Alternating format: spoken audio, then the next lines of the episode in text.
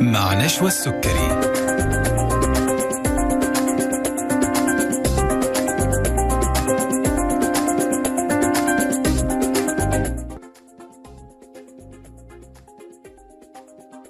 ورحمة الله تعالى وبركاته. حياكم الله مستمعينا الأعزاء مستمعي ألف ألف أف أم الموجة السعودية. وأهلا وسهلا فيكم في حلقة جديدة من طبابة.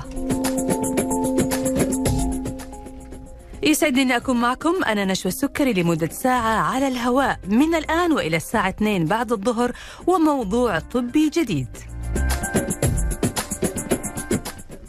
بيتجدد لقاءنا معكم مستمعينا الكرام يوميا من الأحد إلى الخميس مع باقة من ضيوفنا المميزين من الأطباء والمتخصصين في المجالات الطبية المختلفة. في كل حلقة من حلقات برنامج طبابة بنحاول دائما أنه نطرح المعلومة المؤكدة من مصادرها الموثوقة وبنسعد باستقبال أسئلتكم واستفساراتكم. الموجهة لضيف حلقتنا اليوم على واتس البرنامج 05566 89001 وبنستقبل اتصالاتكم على رقم 012 61 61 100 أما موضوع حلقتنا اليوم فهيكون عن مفهوم مختلف لتقويم الأسنان. تقويم الأسنان ما يعني بالضرورة تجميل وترتيب الأسنان لكن له مفهوم أعمق ودور أكبر بكثير من مجرد التجميل بيمتد لعلاج الكثير من المشاكل الصحية للوجه والفكين. وعلشان نتعرف على هذا الموضوع اللي هو تقويم الأسنان محله من الإعراب يسعدنا أن يكون معنا في حلقتنا اليوم الدكتور محمد بامشموس استشاري تقويم الأسنان وعظام الوجه والفكين بعيادات أكوادنت حياك الله دكتور وأهلا وسهلا فيك. حياكم الله وشكرا على الاستضافة وإن شاء الله نكون خفيفين عليكم وعلى مستمعين ألف ألف أف إم اليوم. الله يسلمك دكتور. بداية دكتور آه، إحنا دائما نتكلم عن استشاري تقويم أسنان في الغالب يعني هذا التخصص أو الشيء اللي إحنا نفهمه.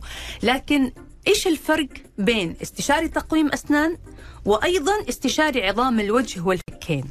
طيب. آه إحنا اللي متعودين عليه دائما نسمعه.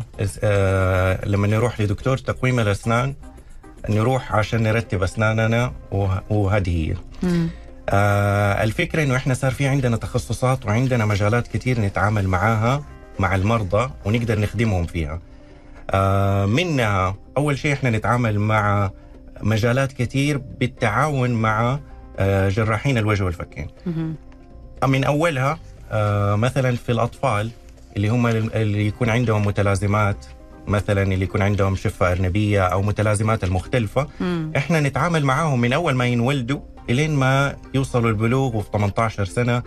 آه، تتسوى مراحل على مراحل مختلفة تتسوى عمليات مختلفة لا جراحية. مم. الجراحية تدخل في النص عشان تساعد في هذا الموضوع. هذا واحد من الحاجات.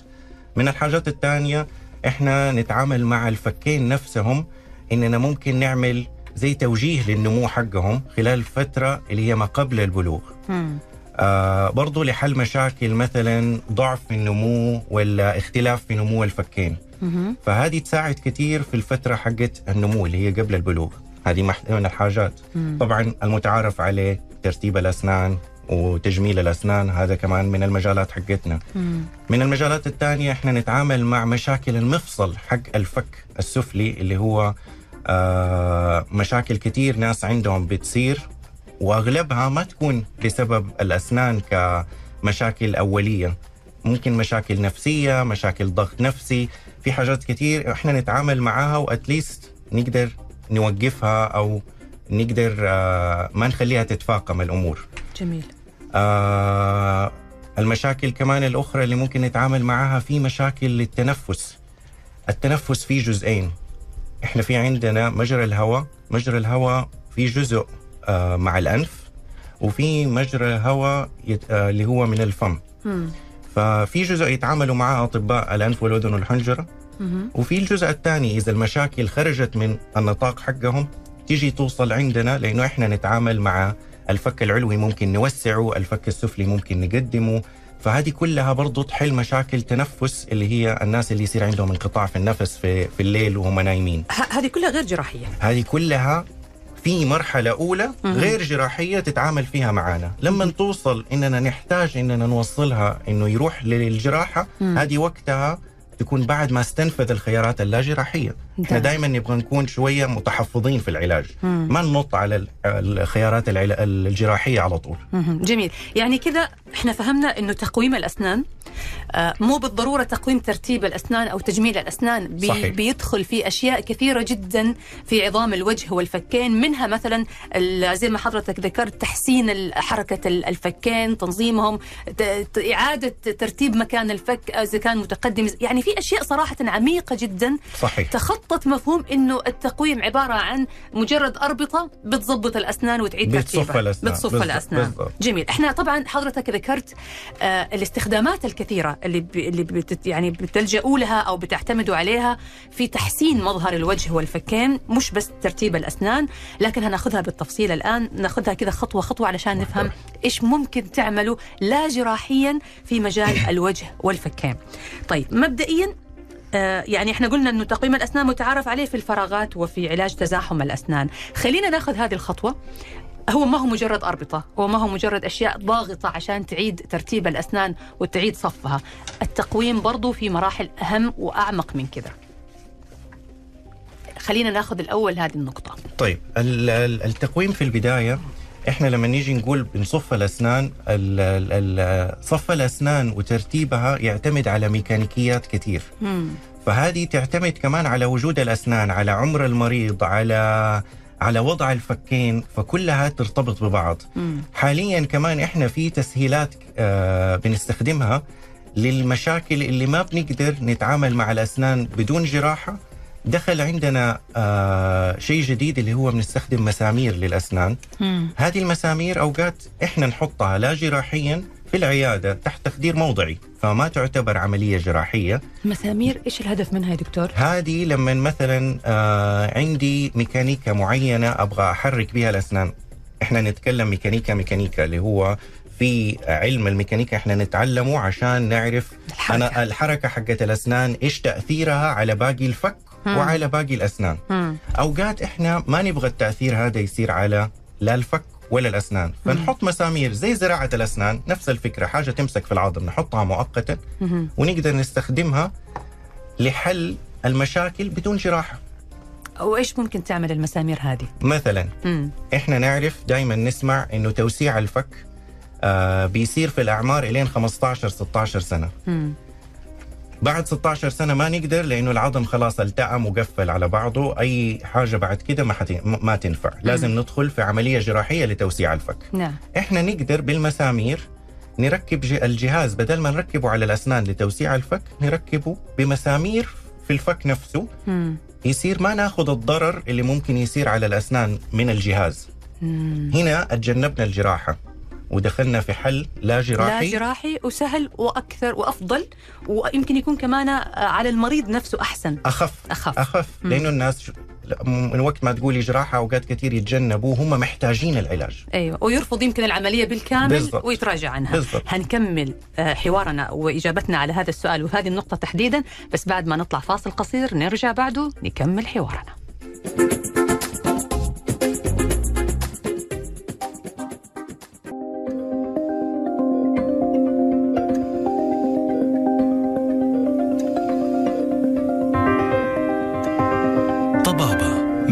مع نشوى السكري أهلا وسهلا فيكم من جديد مستمعينا الأعزاء. حياكم الله في حلقة من حلقات برنامجكم آه، طبابة.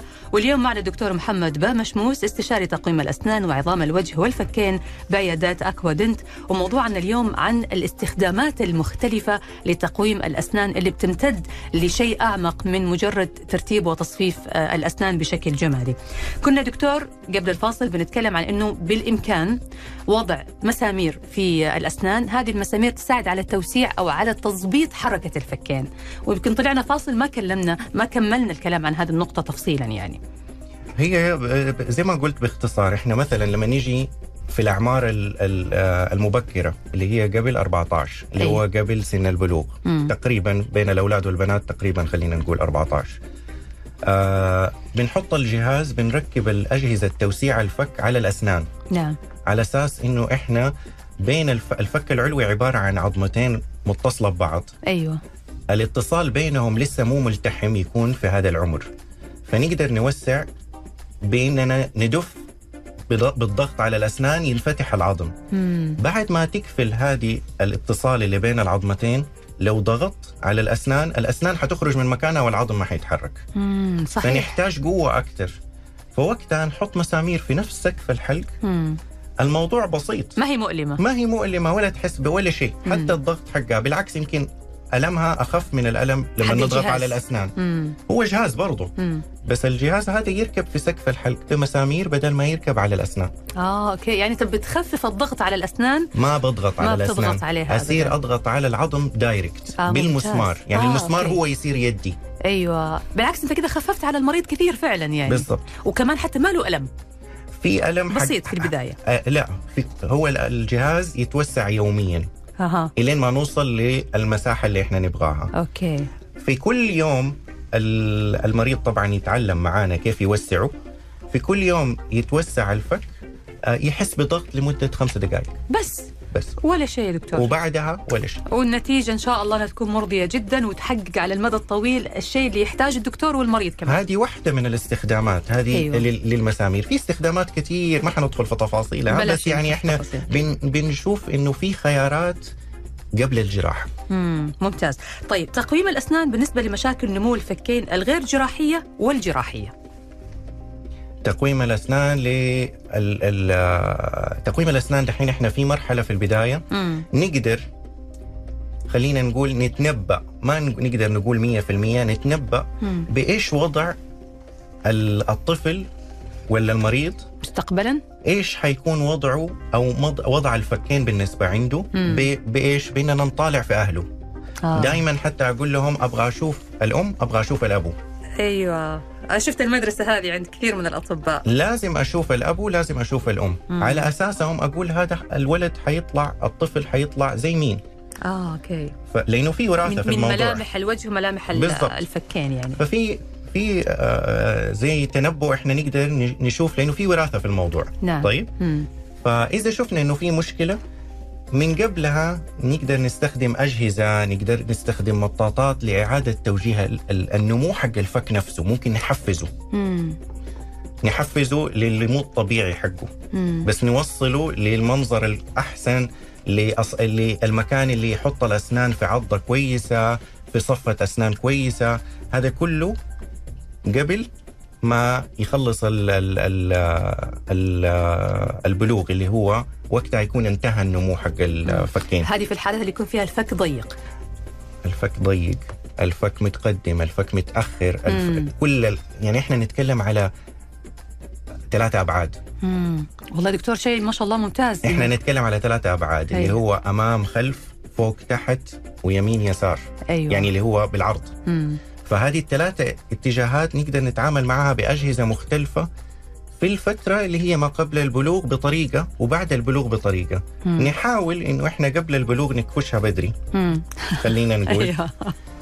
فإذا ما لحقنا أوقات يتأخروا الأهالي مثلا آه وكان يحتاج حاجة من هذه مم. إذا كان يحتاج مم. بنشوف برضو بعدها إذا في حلول لا جراحية نقدر نتعامل معها ولا اضطرينا إنه نتعامل مع الجراحة جميل. طيب بالنسبة دكتور لمشاكل المفصل الصدغي للفك السفلي اللي أحيانا بيصير فيه معاه طقة أو حركة كده تحس كأنه هو ما تعرف الحركة هذه كأنه في شيء غلط في في الفكين مع بعض. هذه كيف بتتداخلوا أو كيف بتعالجوها وتتعاملوا معها؟ طيب هذه في لها كذا بعد برضو. مم. واحد من الأبعاد حقتها ممكن يكون إنه أصلا في مشكلة في عضة الأسنان. هذه اللي وقتها حلها إني أنا أضبط عضة الأسنان. وفي اوقات كثير يكون ضيق في الفك العلوي. ضيق في الفك العلوي أوكي حتقولي حتقولي لي ليش. ليش حقول لك إنه الضيق اللي في الفك العلوي يخلي الفك السفلي ما يجلس في مكانه وإذا مو جالس في مكانه. الفك ال- المفصل يصير مو مرتاح وبيتحرك غلط صح لأنه ما هم متطابقين مع بعض ما هم متطابقين مع بعض. إيش اللي بيصير أصلا في هذه الحالات لما يكون في طقة ولا مشاكل في المفصل؟ غالبا يكون الغضروف اللي بين العظمة حقت ال- الجمجمة وال والفك السفلي آه، أتحرك من مكانه مم. إحنا إذا تحرك ما في طريقه نرجعه لمكانه إلا جراحيا بس إحنا ما نهتم كثير إنه إحنا نرجعه مكانه إذا ما كان في ضرر ولا مشاكل أو آلام أو أي حاجة زي كده. بنحاول برضه نروح تحفظي مم. ممكن نديله جهاز واقي آه، يعني يتلبس في الليل بس عشان نقلل الضغط على الأسنان والضغط في آه الأوضاع اللي هي خاطئة بالنسبة للفك. عشان نخليه في مكانه والحل الثاني اللي ممكن برضه في أوقات آه اللي هو مثلا لو صلحنا ال- ال- الفك العلوي ورجع الفك يجلس في مكانه ممكن يتحسن هذه وتروح المشاكل كثير. مو دائما بس إحنا نقول إنه إحنا بنحاول نحافظ عليها عشان ما تتفاقم. ما بنقول إنه إحنا بنحاول نوصل لحل جذري إذا تجاهل الشخص بعض الناس ترى ممكن تكون عندهم هذه المشكلة يا دكتور ويتجاهلوها ومتعايشين معاها أو هو متوقع أنه هذا شيء طبيعي إذا ما عالجها أو إذا ما لجأ لدكتور علشان يشوف حلها إيش اللي ممكن يصير؟ في حاجتين آه وممكن مرضى كثير أصلا يشتكوا منها إنه أول حاجة ممكن يعلق الفم مقفل وما يقدروا يفتحوا أوف وممكن يعلق مفتوح وما يقدروا يقفلوا واو هذه. تحصل مم. والحاجة الأخيرة آه، اللي هي ممكن طبعا وهي أسوأ حاجة اللي تخلي المريض يفتش بسرعة على على حل. إنه يكون في آلام لأنه يكون الغضروف مرة تحرك كثير فيصير في مشاكل وتآكل في العظم. حق المفصل نفسه مم. هذه فعلا مشكلة كبيرة لكن واضح أنه حلها متاح ما هو صعب حلها متاح مم. طيب في موضوع برضو مهم بس أنا عندي باقي دقيقتين على الفاصل لكن ممكن ناخذ كذا جزء من من الإجابة على هذا السؤال. بالنسبة دكتور لمشاكل النوم وانقطاع التنفس بسبب الفكين. برضو أنتم لكم دور كبير جدا ويمكن آه يعني أغلب الناس ما يعرف أنه مشاكل النوم ومشاكل التنفس سببها الفكين أصلا. طيب آه، بالنسبة لهذا الموضوع حختصر سريعا. زي ما قلت في البداية إنه آه، مجرى الهواء له شقين شق في الأنف وشق بعد الفم. نعم. فإحنا الجزء اللي بعد الفم هذا نقدر نتحكم فيه بجزئين. الفك العلوي ممكن بضيقه. مم. لما نوسعه هذا يحل لك مشكلة المساحة حقت الفك المج... مساحة مجرى الهواء. والواحد يقدر يتنفس أحسن. هذه واحد حل. مم. الحل الثاني إنه برضه ممكن نسوي تحفيز للفك السفلي نقدمه. برضه هذه تسوي مساحة ليش؟ لأنه الفك السفلي مربوط في عضلات اللسان. وعضلات اللسان هي ظهرها هو آه آه، تقريبا كأنه فتحة ال- المجرى الهواء اللي هي تتسع وتكفل بحركة الفك مم. فإحنا لما نسحب الفك شوية لقدام مجرى الهواء يوسع وت- وتنتهي المشكلة، لو كانت المشكلة في الجزء السفلي ما في مشاكل مع الأنف والأذن والحنجرة وفي المجرى العلوي، مم. فهذه حلين أساسية بين الفك العلوي وبين الفك السفلي، هذه مشكلتين مختلفة حتى كمان مو واحدة مشكلة. مم، تمام. طيب دكتور هنتكلم كمان عن مشاكل النمو والأمراض المتلازمة منها الشفة الأرنبية بس بعد ما نطلع فاصل قصير نرجع بعد ونواصل حلقتنا.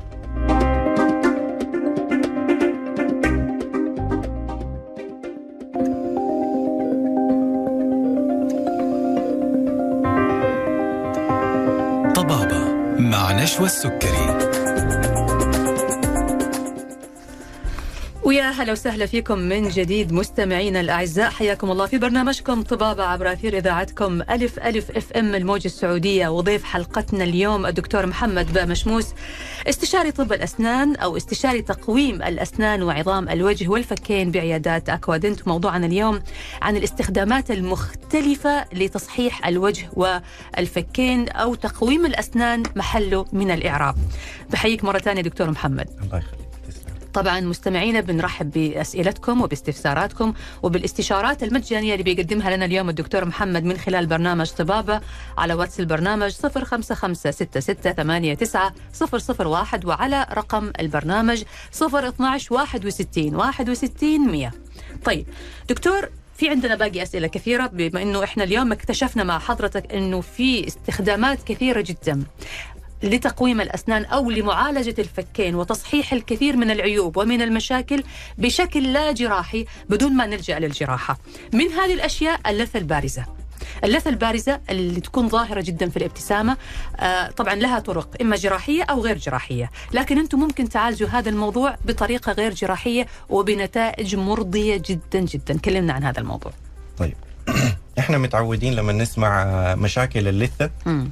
آه، أو ال- الابتسامة اللثوية. ابتسامه لثويه الابتسامة اللثوية في لها شقين. في شق إنه الأسنان أصلا اللي اللي اللي, اللي طلعت في الفم مغطاية نصها باللثة.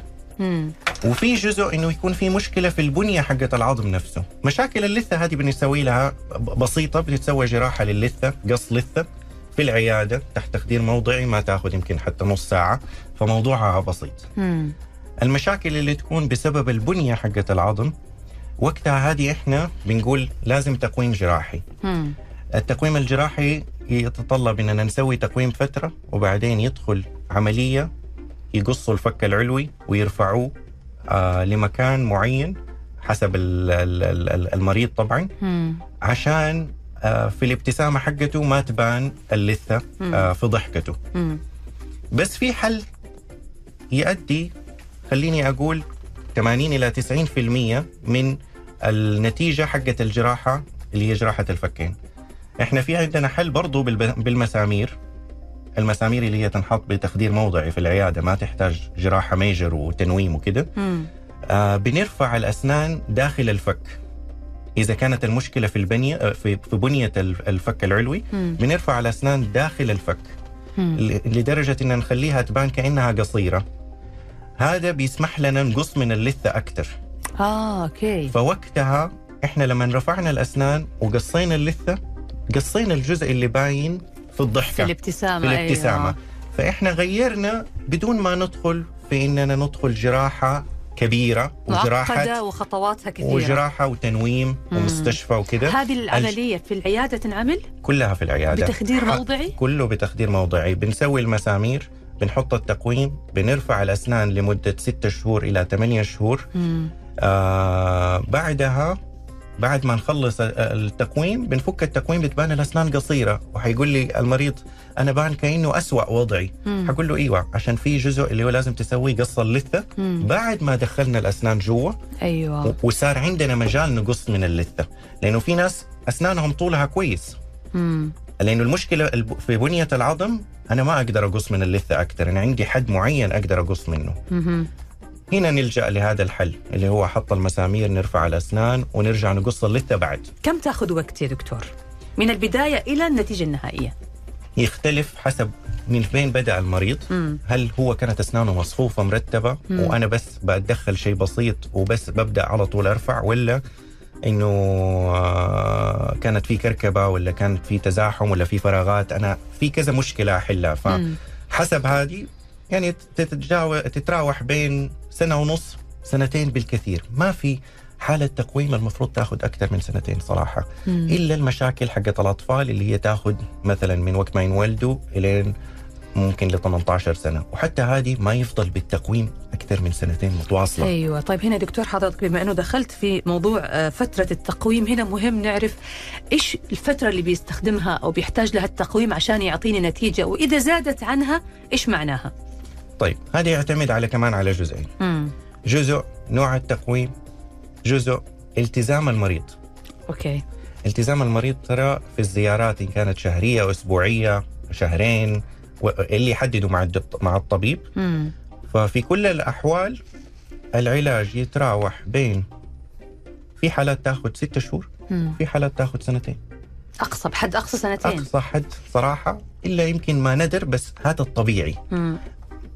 واحدة من من كل مليونين ممكن تجي إنه أنا أقول أحتاج أكثر من السنتين وممكن يكون السبب منها إنه المريض يجي زيارة وعشرة لا. ما هو ملتزم بالتعليمات أو بالإجراءات فالطبيعي إذا المريض ملتزم وجلس أكثر من سنتين معناه في في شيء غلط. أيوه. وكون إن في شيء غلط معناها إنه لازم يغير الدكتور أو لازم يرجع يعيد التقييم من أول وجديد معناها في حاجة غلط في الخطة العلاجية. في الخطة العلاجية بالضبط. أيوه. وحضرتك دائما تركز في كلامك على كلمة الخطة العلاجية. تقول لي إحنا كل شيء معتمد على الخطة العلاجية. هي اللي بتحدد النتيجة هي اللي بتحدد الوقت هي اللي بتحدد آه، إيش اللي ممكن نحصل عليه في النهاية مع التزام المريض بالخطة اللي بتنحط من قبل الدكتور والمريض مع بعض. هو هذه المعلومة جدا صحيحة وشكرا على طرحها. لأنه ناس كثير بتيجي تقول لي آه أبغى أسرع حل.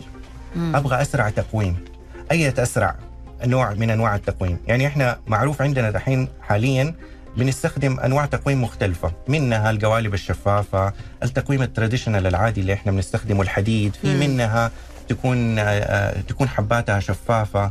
في التقويم الداخلي اللي هو من جهة اللسان مم. الحدايد بدل ما تكون من برا تكون من جوا.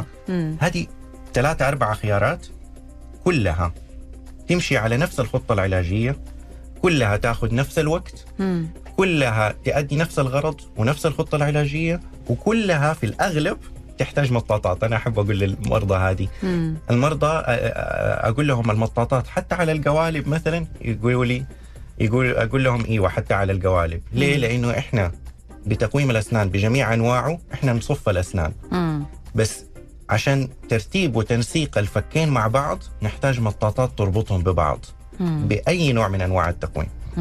طيب هنا السؤال التقويم لصف الأسنان أو لتجميل الأسنان إيش الفرق بينهم؟ مم. هذه حقيقي هنا شكرا مرة ثانية. لأنه كثير من المرضى يجوا أسنانهم مصفوفة. مم. يقول لي أبغى أسوي تقويم مو عاجبتني أسناني.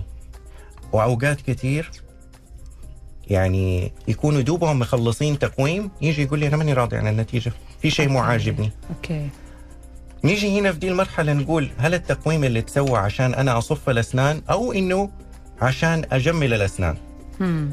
في هنا شوية ألوم الدكتور وشوية ألوم الط- برضو المريض. مم. فين ألوم المريض؟ إنه هو ما كان واضح إيش اللي مو عاجبه في أسنانه. يعني أنا أول ما أشوف أي مريض أقول له أمسك مراية. قل لي إيش مو عاجبك. بتدرس هو كيف بيفكر إيش يبغى. أبغى أعرف إيش هو يبغى. لأنه رايح؟ ترى مم. أوقات كثير من المشاكل اللي نحلها ترى الناس مو شايفينها المريض اللي شايفها. مم. فأنا أبغى أحل مشكلة المريض ما أبغى أحل المشكلة حقت اللي شايفينها الناس اللي هي اللي حيشوفوا الناس صفة الأسنان. لما نيجي نقول تجميل الأسنان فيرسس أو مع مقارنة مقارنة بترتيب الأسنان حقول تجميل الأسنان أوقات في ناس يجوا أشكال أسنانهم ما هي حلوة. مم. أقوم أنا أعيد تشكيلها. أيوه. أنا مع دكتور التجميل. قبل ما نبدأ في التقويم نعيد تشكيلها. ممكن أسوي له فراغات أغير شكل السن سنة طويلة قصرناها سنة عريضة مم. نحفناها. فهذه الحاجات كلها قبل ما أبدأ التقويم واحلها تدرس. بالتقويم أي تدرس بالضبط. تفاصيل الوجه وتقاسيمه بشكل جيد وبعدين تحط وطلب المريض. وطلب المريض. أسئلتنا لا زالت مستمرة وحلقتنا لا زالت مستمرة بس بعد ما نطلع فاصل قصير نرجع بعد ونكمل حوارنا.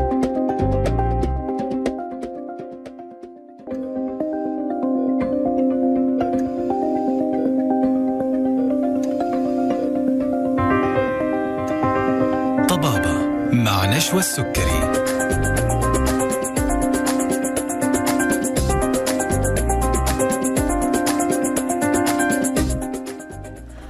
ويا أهلا وسهلا فيكم من جديد مستمعينا الكرام. أهلا وسهلا فيكم في برنامجكم طبابة مع ضيفنا اليوم الدكتور محمد بامشموس استشاري تقويم الأسنان وعظام الوجه والفكين بعيادات اكوادنت وإحنا الآن في الجزء الأخير من حلقتنا اليوم.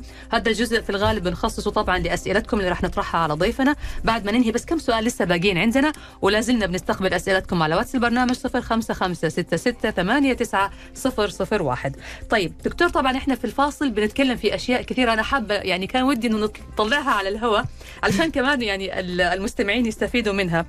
آه، تحديدا دكتور في آه، يعني سؤال الكل سأله بالنسبة للابتسامة اللثوية وتكلفتها. هل هي إحنا ما نبغى نعرف أسعار يعني لأنه عارفين طبعا تختلف من حالة إلى الثانية بس بشكل عام بالنسبة لتكلفتها هل هي آه، في متناول الجميع؟ كيف التكلفة بتنحسب؟ يعني ممكن تجاوب لنا على هذه النقطة.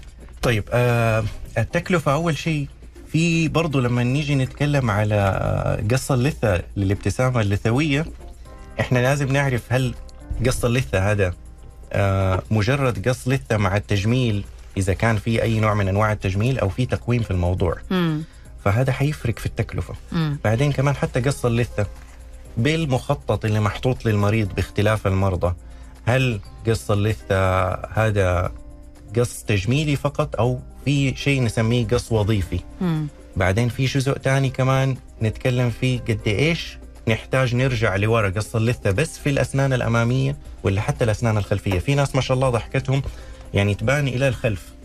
فقص اللثة يفرق تكلفته. هل هو بس للمنطقة الأمامية؟ هل المنطقة الأمامية والخلفية؟ هل بس قص لثة للثة تجميل؟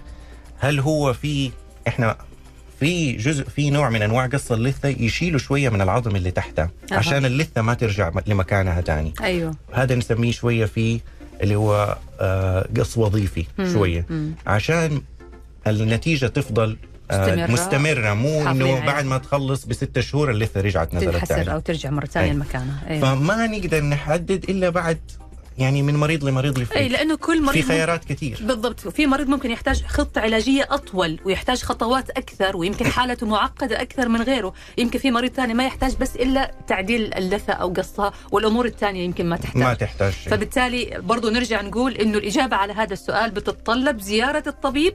لازم يشوف الحالة ويشخصها ويشوف الخطة العلاجية المناسبة لها وبعدها تتحدد التكلفة لكن في كل الأحوال هتكون أرخص أو أقل من التكلفة الجراحية اللي فيها تنويم ومستشفى. اللي هي لو لو بنفكر في الخطة الجراحية آه مع التقويم مع هذا التقويم. بنتكلم. نعم. أي. طيب. دكتور في عجالة كذا نتكلم عن الشفة الأرنبية مشاكل النمو والأمراض المتلازمة اللي منها الشفة الأرنبية. من أول ما بينولد الطفل لعمر البلوغ. أنتم كيف يعني إيش دوركم أنتم كأطباء أسنان في هذا الموضوع؟ طيب. دورنا من أول ما يتولد ال- ال- الطفل لازم يكون في إذا عنده شفة أرنبية أو السقف مفتوح مم. لازم يكون م- موجود فريق عمل كامل. نعم. منهم طبيب التقويم طبيب أطفال آه والأطباء المختلفة لمشاكل الصحية. طبعا إذا كان عنده مشاكل تانية. تمام. إيش إيش دورنا أول ما ينولد؟ الف... ال... عادة إحنا نكون ال... الأنسجة حقت الشفايف تكون بعيدة عن بعض. مم. وسقف الحلق العظام يكون آه، في سقف الحلق برضه هتكون بعيدة عن بعض تمام. إحنا وظيفتنا ان نحط جهاز وأوقات آه حتى لصق في نوع لصق معين يقربوا الأنسجة من بعض عشان يقدروا جراحيا يخيطوا الشفايف. ويسووا لها تجميل للشفايف مم. طيب فوظيفتنا هذه إنه الأجهزة وتقريب الأنسجة الخارجية. هذا جوا الفم وخارج الفم. مهم. هذا أول ما يتولد هذه أول مرحلة عشان ندي للطفل شكل طبيعي. أوكي. لين ما يعمل الجراحة. يعني أنتم أنتم دوركم قبل الجراحة. قبل الجراحة مم. نساعد لأنه الجراح ما يقدر يقربها. لازم تاخذ وقت لأنه العظم والأنسجة دي كلها تتمدد. تتمدد. وتقرب من بعض. بالضبط هو هذا. فنقربها من بعض عشان الجراح نسهل له عملية الخياطة والتجميل مثلا للشفايف اللي هي أكثر شيء يبان خاصة مم. في البداية. مهم. أوقات فتحة سقف الحلق ما نقفلها من البداية. آه، تأخذ وقت لأنه ممكن يحتاج لها زراعة عظم. هذه في مرحلة أخرى. هذه بتاخذ يعني هذه- تبداوا في أي عمر؟ من عمر الولادة؟ من أول ما يتولد. أوكي من أول ما يتولد. هذا الجهاز ينحط في فمهم من أول ما يتولد. آه. أوكي. آه حتى يساعدهم ترى في الأكل. صحيح أكيد آه في الرضاعة في البداية مم. فهذا جزء منها جزء من وظيفة الأجهزة هذه إنها تساعدهم في الأكل عشان هي غالبا يكون مفتوح ال- ال- ال- المجاري ال- الأنف مع الفم مم. فإحنا بنحاول نديله حياة أفضل في البداية عشان ال- ال- التغذية حقته عشان النمو حقه يقدر يكمل فيه إلين سبع سنين يدخل في مرحلة إنه يحتاج مثلا زراعة عظم عشان بزوغ الأسنان تطلع في في عظم ما تطلع في الهواء. هذا الجزء اللي في سبع سنين بعد كده على 12 14 سنة برضو ن- نتابع معاه إذا يحتاج التقويم عشان نرتب الأسنان مم. بعد كده يحتاج جراحة للفكين برضو هذه تحت إشراف دكتور التقويم لأنه إحنا اللي بنوجه إحنا نعتبر زي المايسترو حق ال- الجزء هذا. مم. إحنا بنوجه إيش العملية اللي يحتاجها. يحتاج تقديم للفك العلوي تأخير. في الغالب هذا لازم يحصل. مم. لأنه هو هنا يكون في آه، خلل في النمو حق الفك. فإحنا لازم بنحاول نمشي في مراحل الحياة المختلفة ونظبط له هو. تمام. طيب ناخذ يا دكتور الأسئلة اللي جاتنا الآن من المستمعين عشان نلحق قبل ما ينتهي الوقت. آه السؤال يقول خلود من جدة تقول أنا عندي عضة معكوسة. وقالوا لازم تقويم وكمان الفك مرة صغير. هل يقدروا يوسعوه بالتقويم؟ هنا هنا تدخل أول شيء عمر المريضة. كم عمرك يا خلود؟ ما قلتي لنا كم عمرك. فعادة إحنا نقدر نوسع الفك في الأعمار الصغيرة طبيعي. مم. ما في أي مشكلة. هذه ما هو ما, ما فيها اختلاف بالأجهزة حقت التقويم. آه بعد عمر البلوغ برضو في الحلول اللي قلنا عليها اللي هي بالمسامير إذا كانت محتاجة توسيع للفك مم. وما تبى تدخل في جراحة. تمام. فهذه حلول برضها آه بالتقويم بدون ممكن. جراحة. نقدر نوسع الفك. ونشوف قد إيش نحتاج أصلا. مم. بس برضو ننصحها إنه يعني تتواصل معك لدكتور في عيادات اكوادنت على أساس إنه برضو تشوف الحالة وتقدر أكيد تشخصها أكيد التشخيص أكيد الصحيح أكيد. طيب برضو في سؤال آخر يقول السلام عليكم. ممكن استفسار لو سمحتوا. أمي عندها السكر وتساقط في الأسنان. عمرها 43 سنة صغيرة يعني. آه ينفع أسوي لها زراعة أو تركيبات؟ وشكرا لكم. آه السكر ما يمنع من أي حاجة طول ما إحنا متحكمين فيه. مم. المفروض الإنسان يعيش طبيعي ما في أي مشاكل. يقدر يس... تقدر تسوي زراعة تقدر تسوي تركيبات تقدر تسوي تقويم تقدر تسوي اللي تبغاه. طول ما هي متحكمة فيه. إذا ما هي متحكمة فيه طبعا حيكون في عندها مشاكل تانية تهتم فيها اولى نعم. وأولها أولها إذا ما هي متحكمة في السكر حتكون أكيد عندها مشاكل في اللثة. آه التهابات آه آه، ضعف في العظم هذه كلها بسبب إنه السكر ما هم متحكمين فيه. إذا تحكموا في السكر المشاكل هذه بتنتهي. كله ينتهي. المفروض مم. يصير الإنسان طبيعي إذا واحد متحكم في السكر. مم. طيب سؤال ثاني. بنتي كسرت سنها أو كسرت سنها الأمامي العلوي لكن السن البديل ما طلع. صورناه فكان مستقر فوق ورافض ينزل. تابعناه ست شهور للأسف تحرك تحرك لا يذكر. فالدكتور قال حلها بالتقويم والبنت عمرها 12 سنة. صحيح.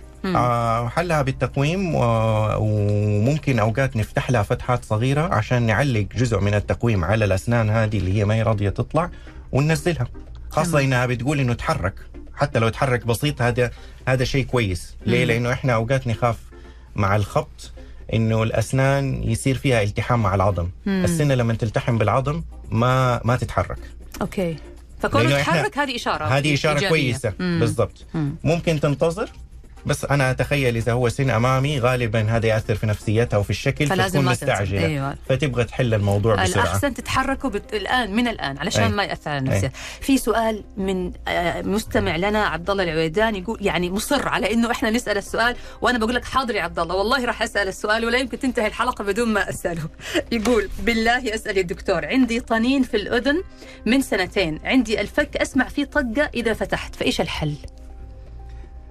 طيب انت بتديني بس جزء من المشكلة فأنا ما أقدر أدي لك إجابة كاملة. مم. يعني إحنا في عندنا حلول كتير ممكن نتك... نتكلم فيها إننا نخفف من ال... من من من الطقة. بس الطنين هذا لازم يكون عندنا أول شيء إنه مع دكتور الأنف والأذن والحنجرة إنه ما في أي مشاكل تانية.